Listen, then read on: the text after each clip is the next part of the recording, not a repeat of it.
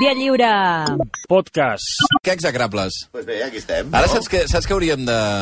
Què tal, Santi? Bon dia, eh? Bon dia. No, no ho faig com Milfó. Uh, Malcom Otero, bon dia. Què tal, bon dia? Saps que ara s'emprenyaria molta gent, saps que si féssim una cosa? No. Que és, ostres, no tenim més temps, haurem de tornar la setmana que ve. Pues ens empenyaríem nosaltres. I amb mi, amb mi s'emprenyarien. Que hi ha un predicament dels execrables eh, entre els oients de la ràdio que és... Que, és, Que tu no, eh, jo... et riles. No, jo ho trobo inacceptable. O sigui, que els oients siguin tan fans dels execrables. eh, No ho puc entendre. Sí, bueno, no ho puc entendre. I per això... La gent no pot estar equivocada, eh? Ah, no. Bé, eh, però, però, però és aquell Està- moment... Estàs insultant a No, l'audiència? no, a l'audiència de RAC1 no, mai a la vida no ho faria. No, però en tot cas, eh, mm, o sigui, és allò de... Si ara jo de cop dic és que ens acostem a les 11, vindran les pantalles, ja no tal, o sigui, em cremen, eh? Bueno, tu mateix, tu sabràs. I ara és que ara no sé què fer. Caga. I les llistes estan tancades, o sigui, massa sortida ja no tens. Doncs... Mira, farem una cosa. Saps què farem? Anirem al butlletí informatiu de les 11, que sí, el Xavi Pardo estarà content, perquè abans hem entrat a les 10 i 10, Ja. i serà el primer cop que podrem fer allò dels senyals horaris nets, Els pitos nets. els pitos nets. Sempre s'han de tenir. Has caigut com una badilla, eh? No tinc res a dir sobre aquest comentari infau, infame, inacceptable per les hores que són del matí. anal. Sí, sí, sí, sí, sí. El final anal dels, dels tours, efectivament. Fins que ho van entendre, què volia dir, noi. Eh, fins acostem a les 11 en punt del matí i he decidit que... Sí, va, va, va. Au va. village sans prétention, j'ai mauvaise réputation. Je me démène ou que je reste quoi, je passe pour un je ne sais quoi. Je ne fais pourtant de tort à personne en suivant mon chemin de petit. Fans de quin personatge avui haurien de, de, de tancar la ràdio i amagar-se i... Eh, per començar nosaltres, que som fans... Ah, sí? Sí, sí. Del personatge d'avui. Avui, avui és un d'aquests que ens Que sap sap greu, però que millor no l'haguéssim conegut. perquè, perquè Però el vau realment... conèixer, no? O sigui, millor no haver-lo conegut. O sigui, ja està bé no haver-lo conegut, no? Sí, jo crec que és d'aquells que a tu t'agrada molt, però si quan comences a les que dius, no, aquest no. Fins i tot a nosaltres ens sap una miqueta de greu, eh? vull dir, perquè posem hòstia, un gran músic, un poeta, un home que ha fet bavejar diverses generacions, posarem contra la paret a l'home que va interpretar veritables himnes. Pels de l'ESO i per Sergio Ramos, els himnes normalment tenen lletra i, i, i, i respecten una, un sentiment col·lectiu, no? Mm -hmm. Un home que va viure salvatgement, no s'ha dit mai això, de- del nostre protagonista d'avui, eh? Pa, I que estava tocat per la vareta de l'èxit. De fet, tant és així que els, la seva tornada de cançó més famosa no és una rima, ni uns versos meravellosos. Diu, tu, turu, turu, tu, tu, tu. amb una mica més de gràcia. Bastant més, eh? Però, I no estem parlant ni dels del Río ni de los payasos de la tele. Desmuntarem un geni que va marcar una època, el pare del rock alternatiu, un artista de culte, però guanyant molta pasta, perquè ser artista de culte i no guanyar res no serveix per res. Però que era un, realment un tarat mentider, maltractador, capritxós, colèric, dèspota, antipàtic, plagiari, cretí i un misogen. Podríem dir també que era alcohòlic i politoxicoman, però com deia el gran García, perro no come carne de perro. I avui caurà del pedestal ni més ni menys que Louis Allen Reed, més conegut com Lou Reed. Natalia era un poco pija, libertina y sin manías. Sus amantes mantenían su pisito de estudiante. No és sí, No, no és no és Ridge. Ja, ja ho he detectat. Eh? A veure, a mi he de dir que m'agrada molt aquesta versió, eh? És la millor versió. És boníssima. Molt millor que l'original. Eh, home, molt millor no ho sé, però, però és veritat, és un bon homenatge. Ah, fiquem que, Albert, no et farem mai un execrable perquè t'admirem. Sí, abans de res, l'ado més bèstia de la vida. No, no fantàstica, fantàstica, fantàstica. abans de res he de dir que aquest execrable el vaig conèixer personalment. Ja estamos. No fotis. Sí. Històries de Malcolm. Històries de Malcolm, versió veure, uno. Oye, Sí. en Històries Ah. de Malcolm tenemos el día que conocí a Reed. No, amb, amb motiu de la presentació d'un llibre seu a Barcelona, em van convidar amb altres persones a compartir taula amb ell. La conversa va ser delirant. Amb, tu, amb tu acostuma a passar. Sí, això acostuma a passar. Però ell Sí, tallava per tu, qualsevol... però no per ell. Sí, però no, però ell tallava qualsevol conversa que no li agradava. O sigui, quan la conversa anava per... Es parlava d'Obama i deia, no, no, aquest tema no. Com si fos el moderador. No, no, no, Ah, aquí sí? no volem parlar d'això. I després, eh, el, el millor que va passar és que em vaig demanar una cervesa. Normal, sí. Extra, Llavors, Estranyament. estranyament. Va fer callar tothom i va dir a, a un dels seus assistents a partir d'ara no vull més alcohol a la taula. I tu abraçat, i tu abraçat a la cervesa que no s'acabés, no? No, clar, jo, jo em vaig quedar de, de, però gelat, clar. Aquest pàjaro, que s'havia punxat enmig d'un concert a Houston l'any 74, si, això és literal, eh? Si entreu a, poseu Google, eh, a Google poseu eh, Lou Reed Heroin, surt una imatge d'ell que està amb el micròfon punxant-se en directe. No fotis. Aquest mateix No ho tipus, feu, eh, vosaltres? No, home, Sempre a eh. l'hospital o a aquest. Oi. exemple per Va, la passa. joventut, Passa. aquest exemple per la joventut văzut prohibia que es beguessin canyes davant d'ell. Impressionant. Però clar, Em diu a l'Oriol Malet que pregunteu-li també a l'Enric González que el va conèixer. Sí. Que ara no el tinc a mal, Enric, però, però no, m'imagino... tothom, tothom que el va conèixer, excepte alguna persona I que el. Nazario que va tenir un judici amb ell. No fotis. Sí, perquè va, li va plagiar... el- La, la portada. La portada. Va fer una, una, una il·lustració al Nazario i la va posar Però un disc. no era el primer número que feia, a part del de la, el de la cervesa del Malcolm, que un tio que s'ocupa per la teva bona salut, no sé... No, exacte, què, no sé de què et queixes. Que es va demanar una Cruz Campo i el tio va dir no, Cruz Campo no! Demana una cosa decent. Ala. Bueno, poc abans, uh, uh, un, uns dies abans d'aquesta trobada del Malcolm amb l'Urrita a Barcelona, també va muntar un numeret a, a, Mallorca, no? Un 1 de maig, o sigui, imagineu-vos, el dia del treball, de la, de la feina, no? Ell volia una quallada, o sigui, el que ell anomenava uh, special yogurts. Però ell volia, i evidentment en el lloc on estaven sopant, no n'hi havia. O sigui, per no aguantar-lo més, algú se'n va al carrer, comença a recórrer restaurants de Mallorca, fins que troba un bon restaurant i, i ell li diu, què vol? Diu, no, no vull taula, no vull res, vull que em donin quallada. I aleshores el tio li donen una quallada, el tio la porta on estava sopant a, a l'Urit, l'U agafa la quallada, l'obre, la tasta i l'escopeix, perquè diu, quin fàstic, aquesta quallada no és com la que jo recordo, perquè ell era un fanàtic de Ah, la sí? quallada. Sí, però s'ha de dir que temps després, a Sant Sebastià, el Santi em presenta, al Festival de Sant Sebastià, el Sí. Santi, aquest Santi, em presenta un amic seu molt simpàtic, al qual, no sé com va sortir la conversa, li explico la meva experiència amb l'Urrit i la cervesa, i ella em diu, tot seriós, que és amic íntim de l'Urrit. Oi, I oi, és oi. veritat, era... Sí, sí. Que encara El era viu, eh? Rodríguez, el germà del Rupert Rodríguez, és íntim amic, de, era fotis. íntim amic, però íntim d'anar a Nova York al seu compleany. Sí, sí, i Però que tu- enca- encara vi jo, jo dient, no, jo, jo començava a dir que aquest tio era un gilipolles i tal, diu, no, no, que...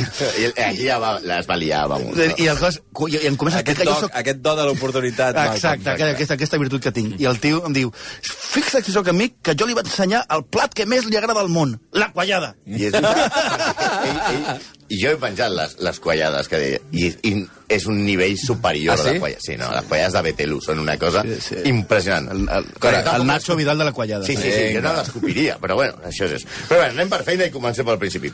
Lu ja de petit era un nen molt estrany. Cada vegada que dic Lu em refereixo... A... Sí, perquè no és Lu Martín, sí. No, Lu Martín no, Lu Reed. Però també dic, Lu era un nen molt estrany, clar, amb canvis d'humors radicals, mira. I els pares el porten al psiquiatre, no?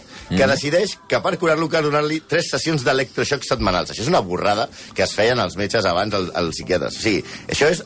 Això sí que és adoctrinament, però otoe adoctrinament, eh? Vull dir, més que sis hores d'infogamben, eh? Va. En aquella època, a més, no es dosificava la intensitat de l'electroxoc en funció de cada persona. És igual, o sigui, tant era que fessis 90 quilos i dos metres o et fossis Ah, un, sí? un nen petit. Sí, la, la sessió era... Posaven el mateix. Uh, uh, Jagapum. Ust, I ja està, a tope. clar. I a més a més, eh, hi ha una versió que corre que és perquè com ell tenia tendències homosexuals, mm. eh, els pares eh, volien curar-li la homosexualitat. O almenys ell ho va explicar, però també l'Urri també s'inventava coses sobre la seva infantesa que no eren certes. Ell mateix va dir que li, li ficaven la, els electroxocs per curar-li la homosexualitat. En fi, les conseqüències, a més d'un odi etern als seus pares, va ser que tenia problemes de memòria a curt termini, tipus Dory a Buscant de Nemo, eh? Oi, oi. O sigui, una, però en versió l'Urrit seria una mica així com on he posat la xeringa? Va. A la bossa negra. Ai, per on favor. deies que he posat la xeringa? Va! Tenim tot el rato amb la xeringa. Va, tira. Una altra de les conseqüències sembla que és la fúria desenfrenada. A l'hotel ambaixatori Palace de Roma, als anys 75, no li va agradar un plat de pasta i, la va, i el va estampar violentament contra la paret. Aquest home té un problema amb el menjar. no, jo que- crec, jo crec... A veure, això segur que té una explicació, que és com, per exemple, veure si la pasta s'enganxa, com hi ha gent que ho fa. no? Ah, S'enganxa potser això, volia paret. provar a veure si estava al dente o no estava al dente. Sí, sí. Fer-ho Ens mira- en un hotel. Ens mira Dani Puntiprats, que és napolità, i que mai ha entès perquè algú tira un tros d'espagueti a una paret. No, jo tampoc. Va arribar, Jo no conec. va arribar a Catalunya i va veure que hi havia gent tirant espagueti espaguetis a la paret per al dente. la, gent, la, gent, la gent tirant espaguetis pels puestos. la gent tirava espaguetis pels puestos. I això només dels espaguetis Hòstia, també el va tirar el Lobo Carrasco. Ah, sí? Sí, amb una concentració de... de Però un de- espagueti o el plat sencer? El plat sencer li va tirar al seu, a Miguel Muñoz. Carai, noi. No, també en No aquest... va jugar ni un minut. Ja, home, en aquest mateix viatge, a una festa del Sanyeli, els propietaris de Fiat i Ferrari, va intentar clavar-li una navalla al seu violinista.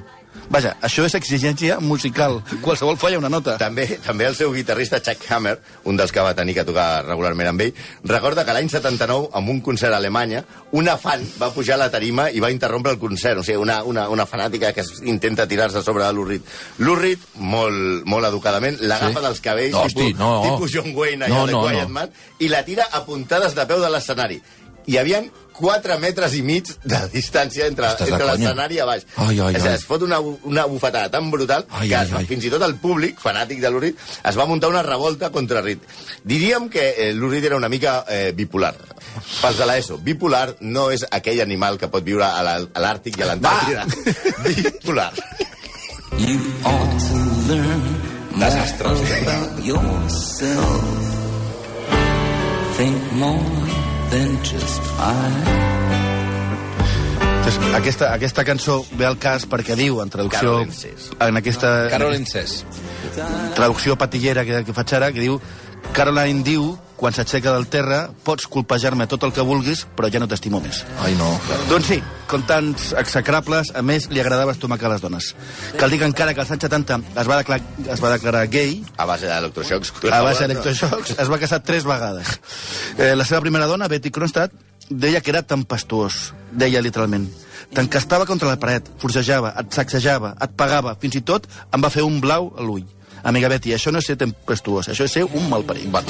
Sí, de fet, un dels seus col·laboradors, Paul Morrissey, que també era de- d'un molt amic d'Andy Warhol als temps de la Velvet Underground, que va conèixer a l'Urrit en, en aquella primera època, quan es va assabentar que eh, anava a escriure una biografia per, per, per, per l'Urrit, eh, va, va dir... Eh, va parlar amb l'autor de la biografia i va dir més o menys, a dir, va dir, et suggeriré un títol, no? Diu, un bon títol, per exemple, per la... Dius, com la titularies? Dius, una mala puta odiosa?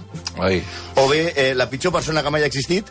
Perquè s'entengui que no sigui una gran biografia d'un gran ésser humà, perquè no ho era, era un, un geni, però sembla ser que estúpid, desagradable, horrible. Aquesta capacitat de fer amics la té molt poca gent, eh?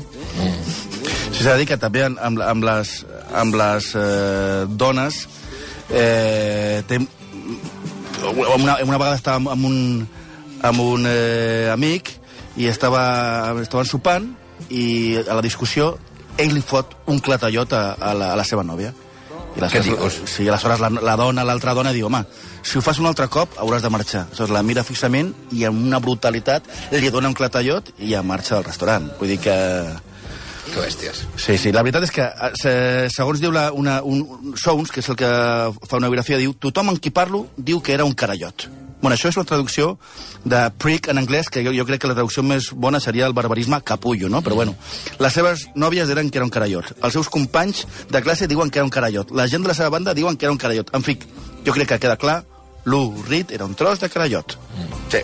A més a més, també el, el, el, també tant era tan carallot que el seu íntim amic, el, el crític Lester Banks, diu que, que, que va morir, va, va, va morir i el guitarrista, un altre amic seu, Bob Quine, va anar a casa de Rita a dir-li que Lester havia, havia mort. I Lou es va passar 45 minuts criticant salvatjament el seu amic i parlant d'ell mateix. Bob es va donar llavors que Lou Reed era una gomaníac insensible i es va donar que no tenia amics de veritat. Bé, excepte el meu amic. Ai, sí, el teu amic de, de Sant Sebastià. Eh?